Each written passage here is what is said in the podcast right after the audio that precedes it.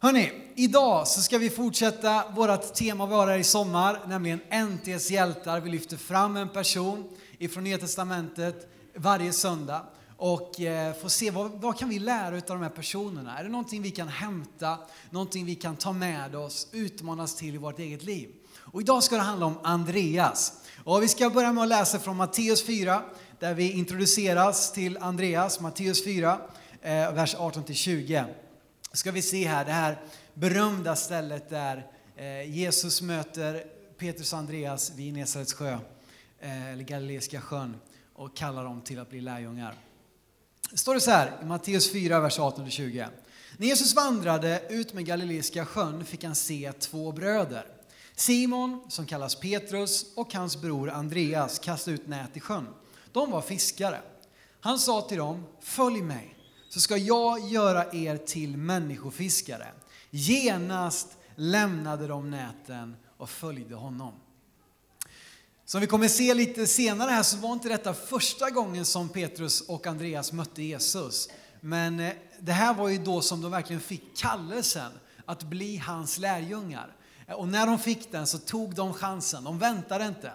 Eh, och här nu så tänker vi ju kanske oftast på Petrus i det här sammanhanget. Eller han är ju en bra mycket mer berömd eller omtalad eh, lärjunge kanske än Andreas. Men eh, trots det så var faktiskt Andreas en av de närmsta runt Jesus. Ofta nämner man ju de här tre, Petrus, Jakob och Johannes. Och ibland också Andreas. Så att han var liksom en av de närmsta precis kring Jesus. Och exempelvis så var de fyra tillsammans med Jesus ensamma på Oljeberget. När Jesus undervisade dem om den sista tiden. Det står att de var ensamma där och så satt de där på Oljeberget. Och ni som har varit i Jerusalem vet att när man sitter där så ser man rakt ner på templet. Eh, och Jesus pratar om att templet kommer att förstöras, eh, men jag kommer att bygga upp det igen på tre dagar. Och så pratar han också om den sista tiden, eh, som vi kanske är ganska nära. Men i alla fall så var Andreas med där. Han var kanske lite i skuggan av sin bror. Liksom, det står ju inte det, han var i skuggan av sin bror, men det blir ju så när man har en sån bror som Petrus så är det självklart så att det är lätt att hamna lite i skymundan och hamna lite bakom. Och därför tycker jag också att Andreas blir väldigt mänsklig. Jag tror att vi alla kan känna igen oss i detta, att relatera till det, att känna oss kanske lite vid sidan om. Eller vi tycker att det är någon annan som är lite duktigare på det där och vi känner ju visst de som står där framme eller han som är sån eller hon som gör det där. Men ja, jag är ju bara här i skymundan. Och därför så tror jag som sagt att Andreas är en person som vi alla kan relatera till. Men när jag har läst om Andreas och de platser som faktiskt står om honom i evangelierna så har jag märkt en sak. Och det är det att Andreas, han förde människor till Jesus. Och därför är det också rubriken på min predikan till Jesus. Det var så härligt också att Martin just nämnde om detta på, på början här med Madden och våra fantastiska ledare. Och han är verkligen en person också som för människor till Jesus. Ni vet när barnen kom till Jesus, lärjungarna gick omkring med Jesus och så ville barnen komma till Jesus. Då står det att de hindrade barnen att komma till Jesus. Men vad sa Jesus då? Jo Han sa, hindra dem inte, låt barnen komma till mig, till himmelriket tillhör dem. Vi kan hindra människor att möta Jesus, men vi kan också bli de som tar dem vid hand och går med dem till Jesus. Och det gjorde Andreas. Jag ska visa det för dig i, i, eh, i flera olika bibelord. Andreas han var uppvuxen i, i byn Betsaida, lite norr om Galileiska sjön, tillsammans med sin bror. Lite senare flyttade de ner till Kapernaum, som låg precis på stranden till Galileiska sjön och de jobbade ju som fiskare och sådär. Och eh, Sen så kom ju den här fantastiska personen Johannes döparen in i bilden. Och ryktet om Johannes döparen spreds över hela Israel. Han var ute och predikade i öknen. Ni vet han hade kamelhår på sig, han käkade honung står det eh, och levde liksom en riktig vilde. Men hans budskap, det var någonting som alla ville höra. Trots att han till det yttre kanske såg ut lite som en galning. Kanske var det till viss del att leva på det sättet, då måste man vara lite galen tror jag. Men hans budskap, det spreds över hela Israel. Människor kom till honom för att lyssna på hans undervisning, för att bli döpta i Jordan till omvändelse, till syndernas förlåtelse. Och en av de som begav sig dit, det var Andreas. Och där förstår vi att Andreas, han liksom tog sin tro på allvar. Han hade en längtan, även om han var fiskare, ett helt vanligt yrke. Så förstår vi av detta att han hade en egen liksom, drivkraft att ta sin tro på allvar. Så han begav sig ner till Johannes och blev en av hans lärjungar. Jag ska visa det för dig i Johannes kapitel 1. För det första är att Andreas han för sig själv till Jesus. Och det är viktigt. Vi måste börja där, att vi själva får ta oss till Jesus. Johannes kapitel 1, så ska vi läsa det här sammanhanget när Jesus precis har blivit döpt. För som sagt, Johannes döparen drog till sig mängder med människor. Man spekulerar lite grann i hur många som döptes, men kanske så många som tiotusentals människor kom ner till Johannes döparen för att bli döpta. Och det största av allt var naturligtvis när Jesus själv kom dit. Det var ju för hans skull som Johannes predikade. Han säger att jag är den röst i öknen som ropar, liksom bana väg för Herren. Han visste att han, det var liksom inte han som var huvudnumret, utan han var liksom förbandet som skulle värma upp scenen för Jesus. Göra människorna öppna och redo att ta emot Messias. En dag så kommer Jesus till honom för att bli döpt. Och så kommer vi in precis efter det sammanhanget i första Johannes, eller Johannes kapitel 1 och från vers 35. Här har Johannes, eh, Jesus precis blivit döpt eh, och så står det så här från vers 35. Nästa dag stod Johannes där igen med två av sina lärjungar. När han såg Jesus komma sa han, se Guds lamm. Oerhört starka ord. Vi kanske inte förstår dem riktigt, men när han talar ut det, då var det liksom big news. Det blev rubriker, löpsedlar. Se Guds lamm. De båda lärjungarna hörde vad han sa, alltså Johannes lärjungar, och följde Jesus. Jesus vände sig om och när han såg att de följde honom frågade han dem vad de ville. De svarade rabbi, det betyder lärare. Var bor du? Älskade svaret. Vad vill ni? Var bor du? Det är en bra, kanske, nej, säg inte det om du, om du ska uppvakta någon. Det kan vara lite väl rakt fram. Från vers 39. Han sa till dem, kom och se. Då gick de med honom och såg var han bodde, stannade hos honom den dagen. Det var omkring tionde timman. Andreas, Simon Petrus bror, var en av de två som hade hört vad Johannes sa och som hade följt Jesus. Andreas förde sig själv till Jesus. Han tog sig till en plats när han hörde att det fanns någon som hade förstått någonting om Gud, alltså Johannes döparen, så sa han, jag ska dit. Jag ska dit, kosta vad det kosta vill. Jag beger mig dit. Jag går den långa, dammiga, varma vandringen från Galileiska sjön ner till platsen i Jordan, ungefär vid Jeriko, där Johannes var och döpte, för att jag vill vara med. Jag vill få, jag vill få tag på det där.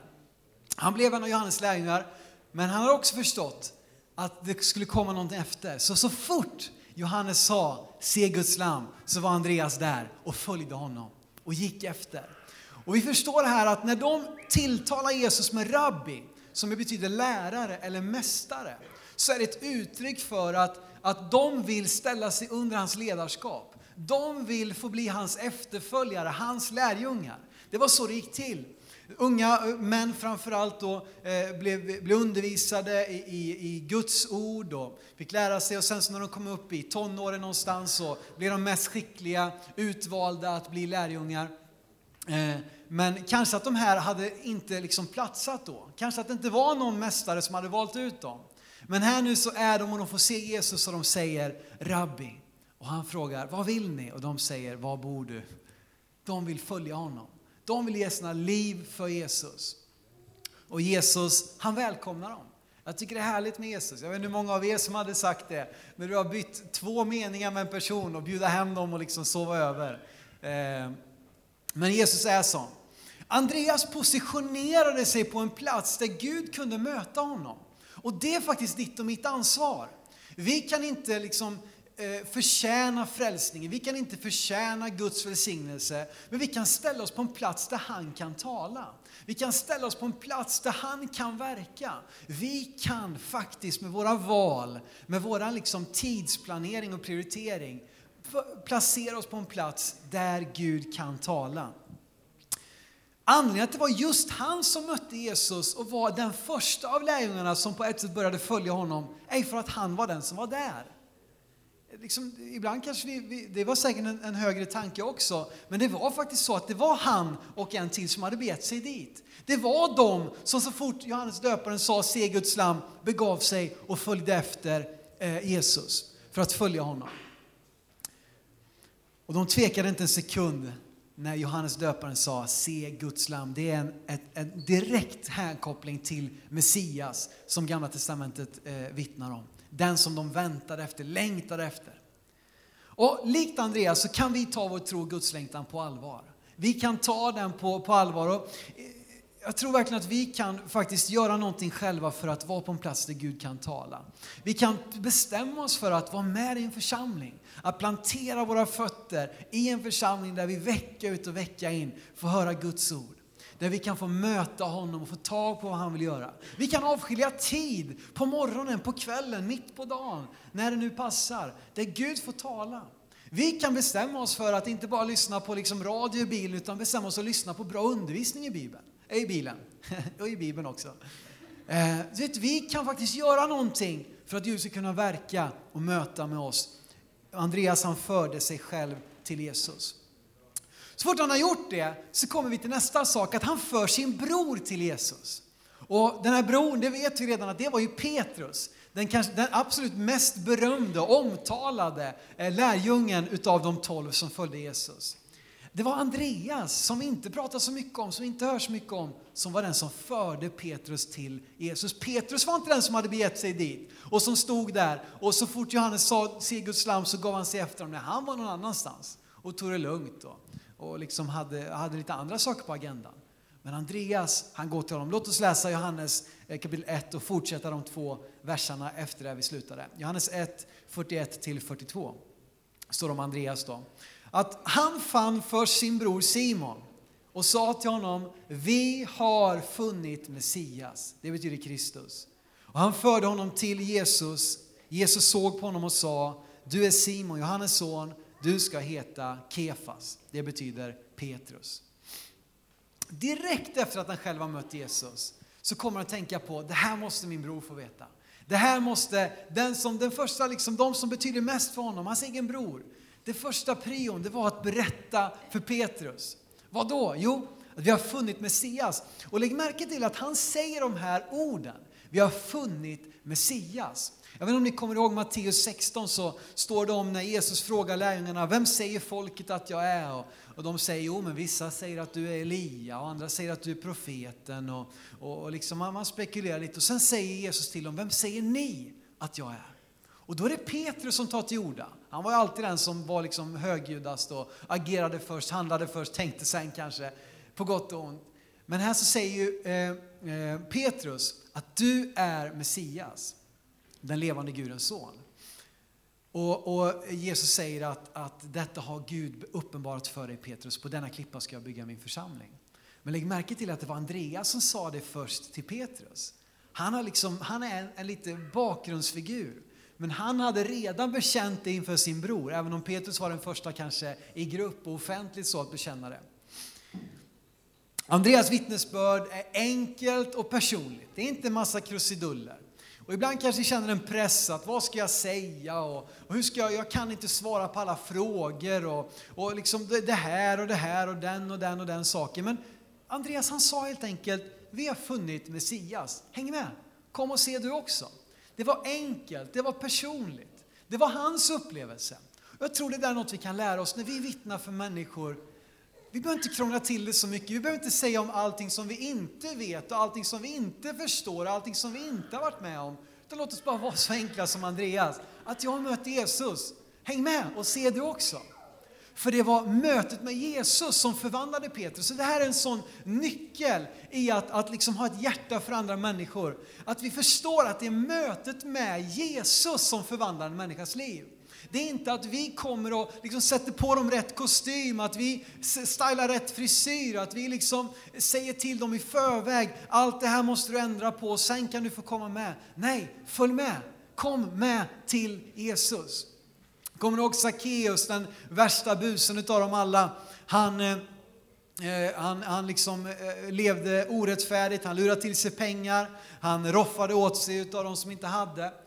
Eh, och så kommer Jesus till Jeriko. Och så vet ni den här storyn, många av er har hört den många, många gånger. Men just att Jesus säger Sackeus, idag ska jag äta mat med dig. Och Sackeus kommer ner och han bara vänder om fullständigt. Han ändrar, han säger jag ska ge tillbaka allt. Jag ska ge fyrdubbelt igen om jag har lurat någon. Vad var det som förvandlade Sackeus? Det var mötet med Jesus. Säkert hade många sagt till honom, Sackeus sluta upp med det du gör. Hur kan du hålla på så här? Hur kan du roffa åt dig? Det är orättfärdigt, det är fel, det är emot Guds lagar och liksom, bud och allting. Men Jesus han sa bara, Sackeus, idag vill jag äta mat med dig.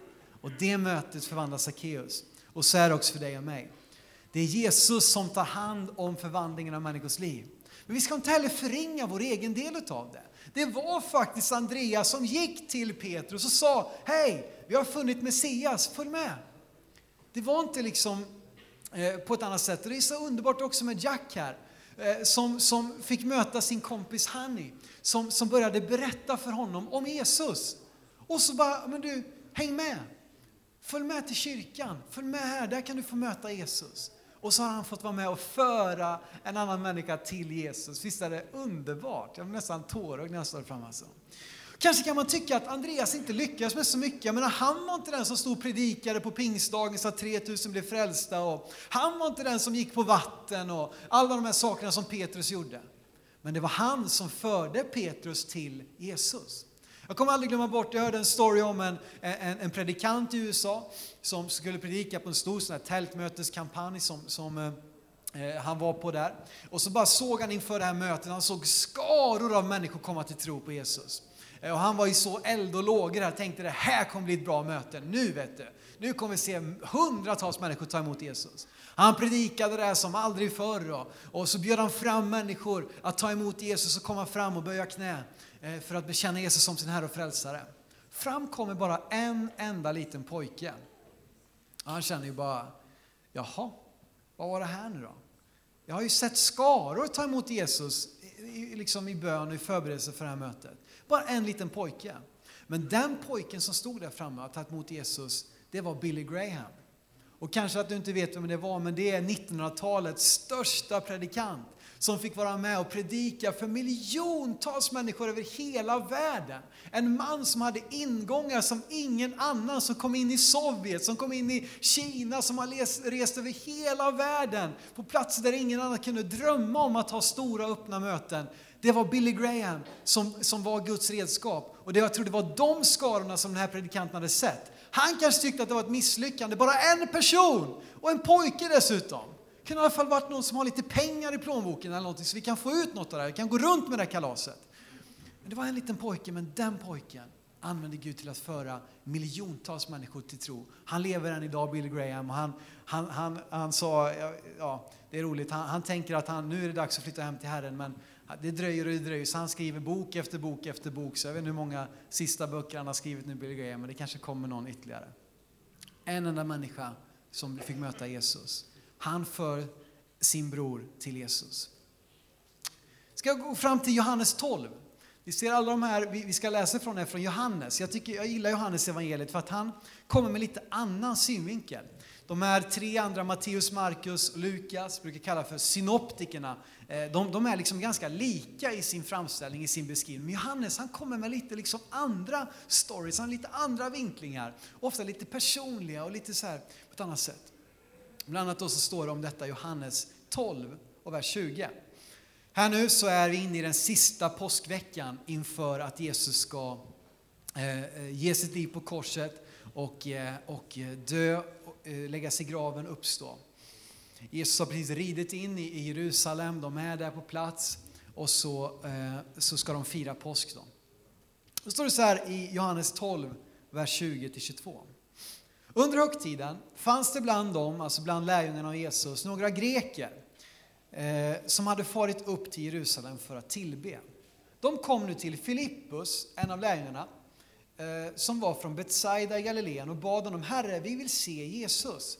Filippus gick och talade om det för Andreas och Andreas och Filippus gick och sa det till Jesus. Filippus var ju också en av lärjungarna. Han var från samma by som, som Andreas till och med, så säkert att de kände till varandra från sin uppväxt och sådär. Filippus här nu, nu kommer det några greker, alltså det här är alltså människor som inte tillhör det judiska folket, men som förmodligen har omvänt sig till judendomen och rest upp nu som en god jude till Jerusalem vid påsk för att fira påskmåltiden. Det skulle man alltid göra. På påsk, pingst och lövedygtiden skulle man alltid bege sig till Jerusalem för att fira, fira de här högtiderna där. Och de hade gjort det Och då ville de få höra, eh, tala, eller möta den här Jesus som de hade hört så mycket om. Filippus blir lite osäker. Ja, kan vi störa Jesus? Han kanske, han kanske skickar iväg dem, han kanske blir arg på mig. Eh, hur ska vi göra här? Men han går till Andreas och berättar. Andreas lyssnar och så går de tillsammans till Jesus. Andreas för, eller han går med sin vän till Jesus. Och jag tycker också det är någonting härligt att Andreas hade ett förtroende bland de andra lärjungarna. Liksom, Filippus kände, ja, men, jag vet inte om jag vågar. Tänk om Gud blir arg? Tänk om Jesus blir arg på mig? Tänk om han kommer skälla ut mig? Och hur ska vi göra? Och, och liksom, eh, har han besökstid nu? Och, och vad ska vi, hur, sådär. Men han går till Andreas och känner sig trygg med honom. Och Andreas, han är inte den som, nej men du, varför kommer du med det här för? Liksom? Och han bara lyssnar och så går de till Jesus. Och där så, så tar han det vidare. Men det jag vill visa på här, bara är just detta att han går med sin vän, han är en medvandrare. Och jag tror att anledningen till att han, eh, Filippus var rädd, det var att han hade en felaktig gudsbild. Att han hade en bild av Jesus, kanske som, som att han skulle skälla ut honom, kanske som att han skulle bli arg, kanske man skulle säga att eh, liksom, du, du kommer aldrig mer få något förtroende av mig. Jag vet inte varför. Men någonting var lite skevt. Och så många gånger tror jag att människors tvekan att gå till Jesus, att gå till Gud, är att de har en felaktig gudsbild. Att de tror att Gud kommer döma mig, Gud kommer sätta dit mig, Gud kommer säga att han inte är nöjd med mig. Så många människor som upplever det på det här sättet att inte kan väl jag och inte är väl jag värd. Men då är det så viktigt att du och jag då inte tar saken i egna händer och ska förklara, jo men så är det nog, han, det, det är nog på det sättet. Utan vi bara helt enkelt, ja men du, häng med. Vi går tillsammans till Jesus. Han går med sin vän till Jesus.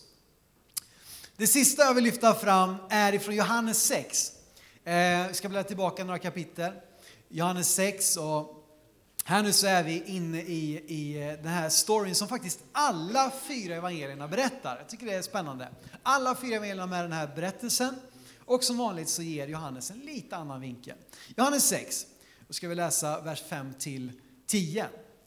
Här nu så, så är det, alltså vi talar om brödundret. Jesus har dratt sig undan, han har gått åt sidan för att få vara för sig själv. Men människorna har hört talas om detta, så de har begett sig efter honom.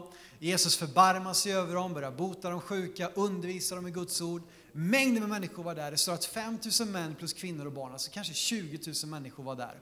Någonstans, 15 till 25 000, vad vet jag. Men en stor skara människor, kanske den största skaran som, som, som det står om att Jesus predikade för vid ett och samma tillfälle. Här nu så är det ju så att det blir de här praktiska bekymren att alla de här människorna måste ju äta. De är ju på en ödslig plats. Det var ingen som hade förberett för detta. Det var liksom inte en konferens man hade anmält sig till i tre månader i förväg, utan det bara uppstod, det bara blev så. Människor följde efter Jesus vart han gick. Och så står det här nu då om att de ska ge de här eh, mat att äta. Och Jesus han är ju alltid lite förnulig. Eh, så vi ska läsa här nu från eh, Johannes 6, vers 5-10. När Jesus lyfte blicken och såg att mycket folk kom till honom sa han till Filippus, vad ska vi köpa bröd så att dessa får något att äta? Det sa han för att pröva honom, till själv visste han vad han skulle göra.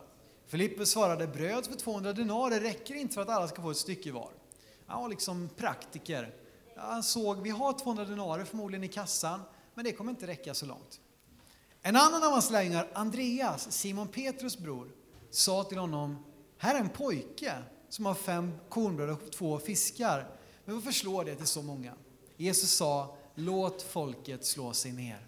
Och så vet vi att Jesus tog brödet, tackade Gud och man delade ut och alla fick mat att äta. Det blev tolv korgar över. Filippus igen han var lite kalkylerande som sagt. Ja, alltså så här mycket pengar har vi och det kommer inte räcka och sådär. Och, eh, och liksom försökte tänka ut någon lösning. Men Andreas, han liksom eh, hade snappat upp att den här pojken fanns där.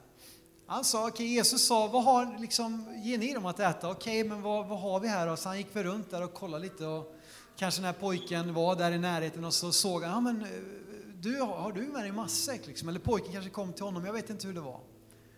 Men Andreas, trots att det var, det, men det, är, det är nästan larvigt att komma med så lite mat till så många människor. Och Andreas han tvivlar, han säger själv, ja, ja här har vi det här, men vad, vad, vad räcker väl det till? Men det jag vill säga är att han går, trots sina tvivel, till Jesus. han, liksom, han visste inte om det skulle funka. Han visste inte om det räckte, han visste inte om det var tillräckligt. Men trots det här så tar han det till Jesus. Även om den här pojkens matsäck liksom inte ens skulle börja och mätta ens bara några stycken.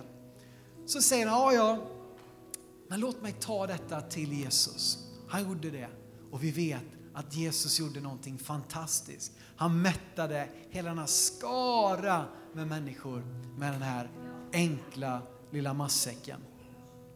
Även om det är obetydligt och otillräckligt så väljer Andreas att gå dit ändå. Och kanske du känner ibland att det du har inte räcker till. Att du känner att du har många frågor och många tvivel och mycket som inte står rätt till. Men jag skulle vilja uppmuntra dig att inte låta dig hålla dig på armlängds avstånd ifrån Jesus. Utan Jesus, han, han har inga problem med det. Han tillrättavisar inte Andreas när han säger, vad räcker det till så många? Och då kommer liksom inte en stor moralpredikan från Jesus och säger, du, hur vågar du här och du otrogna släkte. Det sa han ganska ofta till Petrus faktiskt, men Andreas han, han fick ju inte det. Eh, just det här i alla fall. Utan Jesus bara tar det, säger åt dem, säger åt dem att sätta sig ner. Han tackar Gud, bryter brödet och så mättar han alla de här människorna. Och man kan tycka sig, jag har så lite tro, jag har så mycket tvivel. Men vet du vad, om det inte har, finns några tvivel så krävs ju ingen tro. Har du tänkt på det? Om inte du har någonting som du tvivlar över, någonting som känns svårt eller någonting som känns övermäktigt, så behövs ingen tro. Så att det kanske är just de här tvivlen, just de här sakerna du kämpar med som visar att du faktiskt har en tro när du ändå väljer att komma till Jesus. Ändå väljer att komma och fira gudstjänst. Ändå väljer att slå upp din bibel och be till honom. Och det fantastiska är att miraklet i det här tillfället kom genom en person som inte ens blev uppräknad. Man räknade de 5000 männen, men barnen de brydde man sig inte om. Kanske att det är någonting som du har som du inte ens räknar med, som Gud vill använda till att göra miraklet som du längtar efter, som du behöver. Och jag vill uppmuntra dig, oavsett vad det är, att kom med det till Jesus. Till Jesus.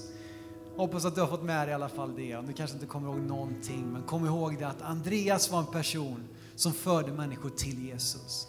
Både sig själv, sina vänner, sin bror, med sina tvivel, allting tog han till Jesus. Och det är där vi finner det vi behöver. Det är där vi får frälsning, förlåtelse, styrka och kraft. Det är hos Jesus. Och jag älskar att vi har det här korset i kyrkan här som är symbolen för vad Jesus har gjort för oss. Att han besegrade döden. Han besegrade synden. Han köpte oss fri från den en gång för alla. Och på grund av det så kan vi få komma till honom och få uppleva förlåtelse.